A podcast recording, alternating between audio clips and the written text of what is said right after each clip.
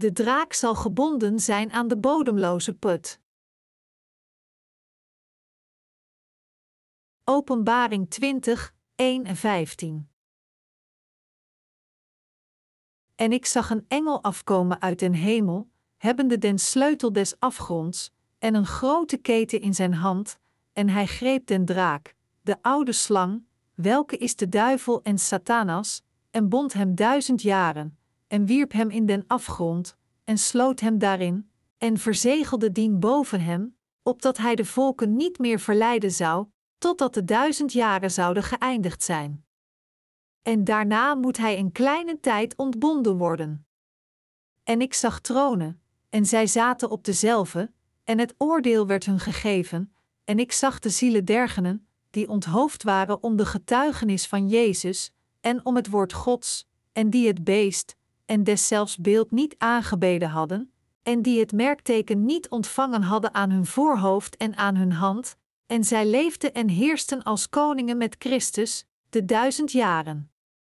Maar de overige der doden werden niet wederlevend, totdat de duizend jaren geëindigd waren. Deze is de eerste opstanding. Zalig en heilig is hij, die deel heeft in de eerste opstanding, over deze heeft de tweede dood geen macht, maar zij zullen priesters van God en Christus zijn, en zij zullen met hem als koningen heersen duizend jaren. En wanneer de duizend jaren zullen geëindigd zijn, zal de Satanas uit zijn gevangenis ontbonden worden. En hij zal uitgaan om de volken te verleiden, die in de vier hoeken der aarde zijn, den Gog en den Magog, om hen te vergaderen tot den krijg, welker getal is als het zand aan de zee.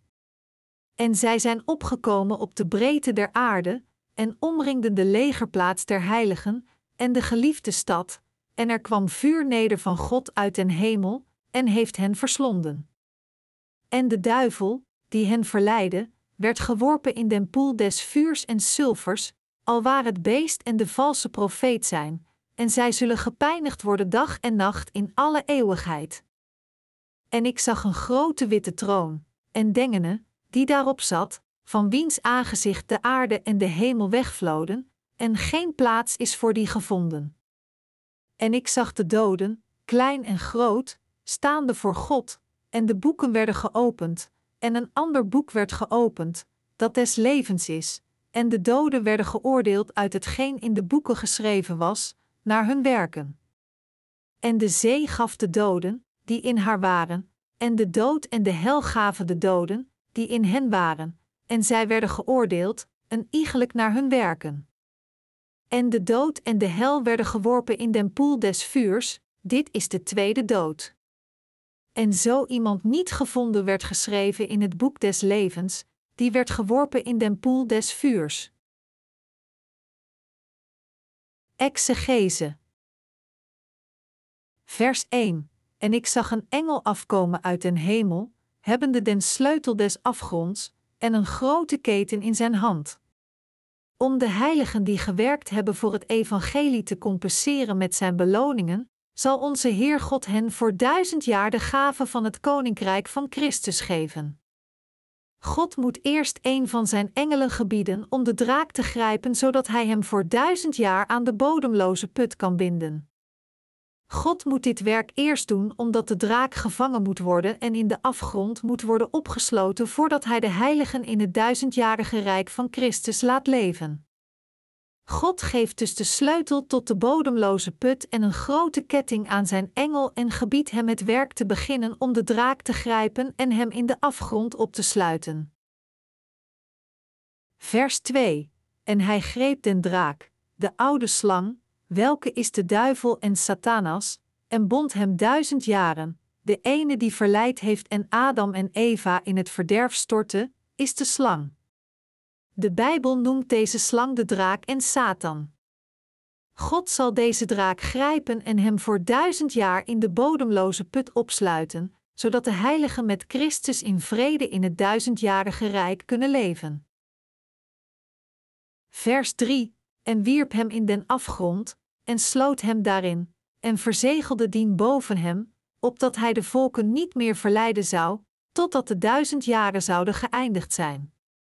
en daarna moet hij een kleine tijd ontbonden worden. Om het koninkrijk van Christus op deze aarde te bouwen en de heilige er met de Heer voor duizend jaar te laten regeren, zal God de draak voor duizend jaar in de afgrond opsluiten en verhinderen dat hij de heiligen bedriegt. De passage zegt hier: en daarna moet hij een kleine tijd ontbonden worden. Als de duizend jaar voorbij zijn, zal God de draak voor een tijdje vrijlaten, zodat als hij de heiligen weer begint te kwellen, hij hem voor altijd naar de hel zal sturen, zodat hij nooit weer gezien wordt. Vers 4: En ik zag tronen, en zij zaten op dezelfde, en het oordeel werd hun gegeven, en ik zag de zielen dergenen, die onthoofd waren om de getuigenis van Jezus, en om het woord Gods, en die het beest, en deszelfs beeld niet aangebeden hadden, en die het merkteken niet ontvangen hadden aan hun voorhoofd en aan hun hand, en zij leefden en heersten als koningen met Christus, de duizend jaren. In het koninkrijk van Christus zullen de wedergeboren christenen gezag ontvangen om te oordelen. De heiligen die tot Christus priesters gemaakt zijn, zullen het duizendjarige rijk met de Heer regeren. De inwoners zijn degenen die gemarteld waren om aan Jezus te getuigen en omdat ze hun geloof verdedigden, degenen die niet het teken van het beest hebben ontvangen en zijn beeld niet hebben aanbeden. Zij zijn degenen die gemarteld zijn tijdens de tegenspoed die door de antichrist gebracht is en God zal ze herrijzen om weer te leven en hij zal hun het koninkrijk van Christus voor duizend jaar laten regeren. Natuurlijk zal iedereen die deelgenomen heeft in de eerste herrijzenis ook dezelfde zegen gegeven worden. De Heer zal twee herrijzenissen geven, de eerste herrijzenis en de tweede herrijzenis. De heiligen die in het duizendjarige rijk zullen leven, zijn degenen die tot de eerste herrijzenis behoren en eraan deelnemen. Iedereen die deelneemt in deze eerste herrijzenis zal ook deelnemen in de gelukzaligheid om in het duizendjarige rijk, het koninkrijk van Christus te leven. De eerste herrijzenis zal plaatsvinden als Jezus Christus terugkeert om alle heiligen op te nemen. 1 Thessaloniken 4, 15, 17. Maar de tweede zal op het einde van het duizendjarige rijk plaatsvinden, omdat het voorbereid is voor de zondaars om hen tot de eeuwige dood te veroordelen. Het gezag van de heiligen om voor duizend jaar te regeren is door de Almachtige Heer gegeven. Het koninkrijk van Christus is hen gegeven omdat zij in het evangelie van het water en de geest van de Heer geloofden en hun leven opgaven om hun geloof erin te verdedigen. Vers 5. Maar de overigen der doden werden niet wederlevend, totdat de duizend jaren geëindigd waren. Deze is de eerste opstanding. Degenen die de verlossing van hun zonden niet van de Heer hebben ontvangen en die naar Hem gaan nadat ze als zondaars op deze aarde hebben geleefd, zullen niet in staat zijn om deel te nemen aan de eerste herrijzenis die de Heer de Heiligen zal geven. Zelfs als de heiligen daarom voor duizend jaar vrolijk in het koninkrijk van Christus leven, zullen zij niet de eerste herrijzenis ontvangen, maar zij zullen in plaats daarvan deelnemen aan de tweede herrijzenis.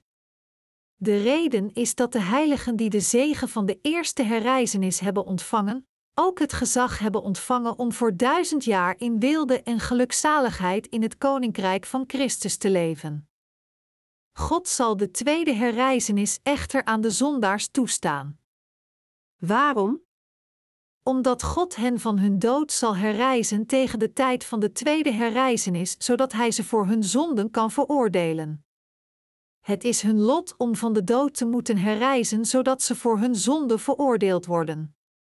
Daarom is de herrijzenis van de zondaars anders dan de herrijzenis van de heiligen, zowel in volgorde als ook in gevolgen behalve degenen die vanwege hun geloof in het evangelie van het water en de geest aan de eerste herrijzenis deelnemen, zal de Heer niemand anders toestaan weer te leven totdat de duizend jaar voorbij zijn. De herrijzenis van de rechtschapenen komt dus duizend jaar voor de herrijzenis van de zondaars. De herrijzenis van de rechtschapenen is er zodat zij het eeuwige leven en de zegens ontvangen, maar de herrijzenis van de zondaars is er zodat zij de eeuwige straf voor hun zonde ontvangen. Vers 6: Zalig en heilig is Hij, die deel heeft in de eerste opstanding, over deze heeft de tweede dood geen macht, maar zij zullen priesters van God en Christus zijn, en zij zullen met hem als koningen heersen duizend jaren. De Bijbel vertelt ons dat de tweede dood geen macht heeft over degenen die deelnemen aan de eerste herreizenis. Het vertelt ons daarom dat deze deelnemers van de eerste herreizenis zalig zijn, want zij zullen ook in het duizendjarige rijk regeren. Versen 7, 8 En wanneer de duizend jaren zullen geëindigd zijn, zal de Satanas uit zijn gevangenis ontbonden worden. En hij zal uitgaan om de volken te verleiden, die in de vier hoeken der aarde zijn, den Gog en den Magog, om hen te vergaderen tot den krijg, welker getal is als het zand aan de zee. Nadat de draak na duizend jaar wordt vrijgelaten uit de bodemloze put, zal hij nogmaals proberen zich tegen de heiligen te verzetten en dus zal God hem in het vuur van zwavel gooien, zodat hij er nooit meer uit kan komen. Met dit oordeel zal de draak slechts in de hel gezien kunnen worden. We zullen ons misschien afvragen: betekent dit dat degenen die niet wedergeboren zijn, nog steeds in dit duizendjarige rijk zullen bestaan? Het antwoord is ja. Openbaring 20, 8 doet er verslag van dat er veel mensen van de aarde in het koninkrijk van Christus zijn. Wij weten niet zeker of zij de mensen zijn die opnieuw door God geschapen zijn of degenen die reeds eerder op deze aarde leefden. Maar we weten dat God weet wie zij zijn en dat er veel zullen zijn voor de heiligen om over de regeren, net als zand in de zee. De waarheid is dat als de heiligen in het koninkrijk van Christus leven, zij nog steeds de mensen van de aarde zien. Zij zullen leven om de heiligen te dienen en hun aantal zal zo groot zijn als het aantal zandkorrels in de zee. Alhoewel zij zich met de draak zullen verenigen om zich nogmaals tegen de heiligen te verzetten, zullen ze alle vernietigd worden door het vuur dat door God gebracht wordt, het eeuwige oordeel ontvangen van zijn grote witte troon en in het eeuwig brandende vuur geworpen worden. Hiermee zal het duizendjarige rijk eindigen en vanaf dat moment zullen de heiligen naar de nieuwe hemel en aarde verhuizen waar zij voor altijd zullen leven. Vers 9 En zij zijn opgekomen op de breedte der aarde en omringden de legerplaats der heiligen en de geliefde stad, en er kwam vuur neder van God uit den hemel en heeft hen verslonden. De draak is Satan die zich constant tegen God en zijn heiligen heeft verzet. Alhoewel hij de mensen van de aarde wilt bedriegen om in het koninkrijk van Christus te leven en de heiligen zal bedreigen, zal God, omdat hij almachtig is, vuur van de lucht laten komen en ze alle verslinden, en hij zal de draak in het eeuwige vuur gooien, zodat hij zich nooit meer tegen hem en zijn heiligen kan verzetten. Vers 10: En de duivel, die hen verleidde, werd geworpen in den poel des vuurs en sulfers, alwaar het beest en de valse profeet zijn, en zij zullen gepijnigd worden dag en nacht in alle eeuwigheid. Door de draak in het meer van vuur en zwavel te gooien, zal God zich ervan verzekeren dat hij dag en nacht gekweld wordt. Dit is Gods rechtvaardige oordeel, het leed dat de draak en zijn volgelingen verdienen. Vers 11 En ik zag een grote witte troon, en dengene, die daarop zat, van wiens aangezicht de aarde en de hemel wegvloden, en geen plaats is voor die gevonden. Nadat hij zijn beloning van de heiligen voor duizend jaar voltooid heeft, zal God zijn nieuwe hemel en aarde scheppen en er samen met hen voor altijd leven. Om dit te volbrengen, zal God alle werken die hij gedaan heeft, volbrengen en voleindigen. Deze laatste handeling, het besluit, is dat de Heer als de rechter op de witte troon zit en dat hij zijn laatste oordeel aan alle zondaars zal geven, wiens daden in de boeken van de daden staan genoteerd, en niet aan degene wiens namen in het boek des levens staan geschreven. Gods oordeel van de zondaars zou hiermee eindigen en vanaf dat moment zal het domein van de nieuwe hemel en aarde openen. Onze Heer zal de eerste hemel en aarde laten verdwijnen, de tweede wereld van de nieuwe hemel en aarde scheppen en de heilige toestaan om in dit hemelse koninkrijk te leven. God zal de nieuwe hemel en aarde aan een groep mensen geven en de straf van de hel aan de andere in overeenstemming met wat er in zijn boek van leven en de boeken van het oordeel geschreven staat. Vers 12: En ik zag de doden, klein en groot, staande voor God, en de boeken werden geopend, en een ander boek werd geopend, dat des levens is, en de doden werden geoordeeld uit hetgeen in de boeken geschreven was, naar hun werken. Christus oordeel zal op dit moment het laatste oordeel bepalen, dat wil zeggen. Hij zal zijn laatste straf aan de zondaars geven met de straf van de hel. Zij zullen veroordeeld worden volgens hun werken zoals het staat genoteerd in het boek van het oordeel. De zondaars zullen dus twee keer sterven.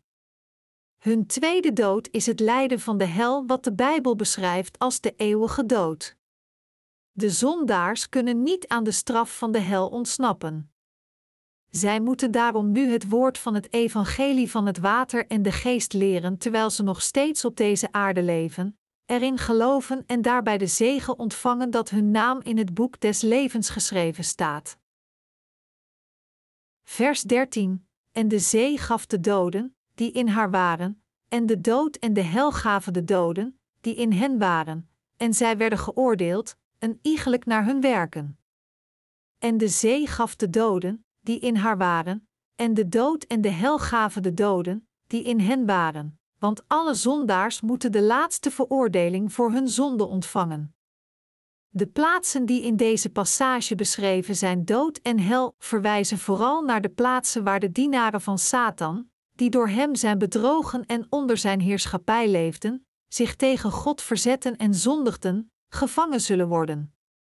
Deze vers vertelt ons dat terwijl God zijn oordeel van hun zonde voor een tijdje heeft uitgesteld, nu de tijd gekomen is voor hun laatste oordeel.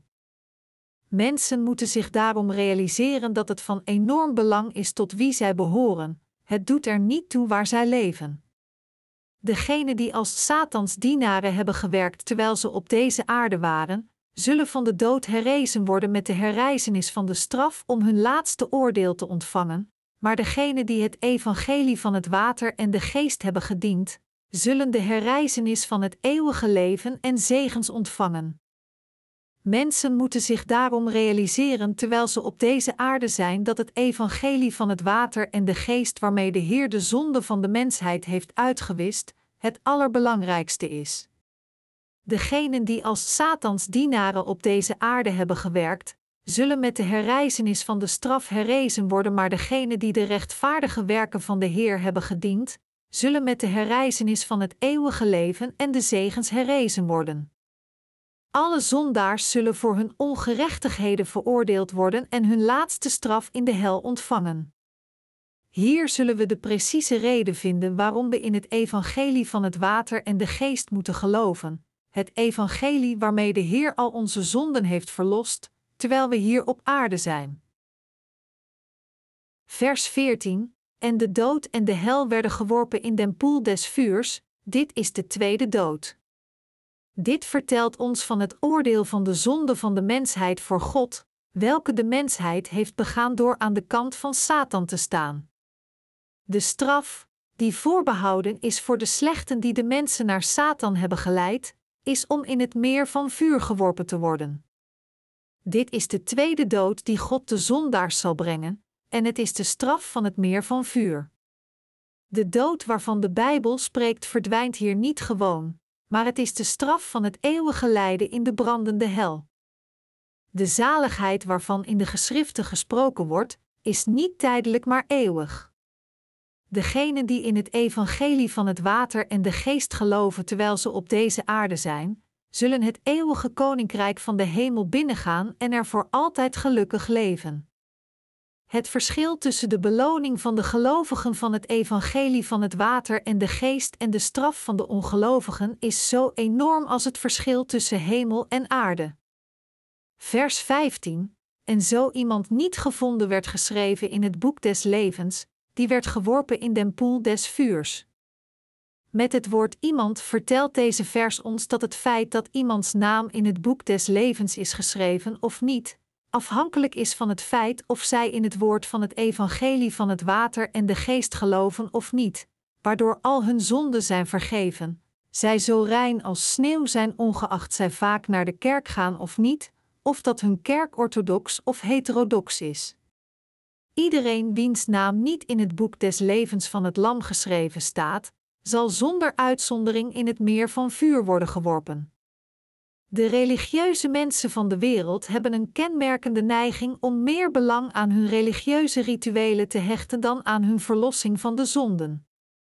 Maar iemand zal dus ook in het meer van vuur worden gegooid als hij slash zij voor God staat als het evangelie van het water en de geest, dat door Jezus gegeven is, niet in zijn slash haar hart gevonden kan worden. De naam van deze persoon zal dan niet in het boek des leven worden geschreven, ook al is hij slash zij een goede christen. U moet daarom met uw oren het evangelie van het water en de geest horen van de Heer dat al uw zonden laat verdwijnen en u moet er met uw hele hart in geloven, terwijl u hier op deze aarde leeft. U zult dan de gelukzaligheid ontvangen dat uw naam in het boek des levens wordt geschreven.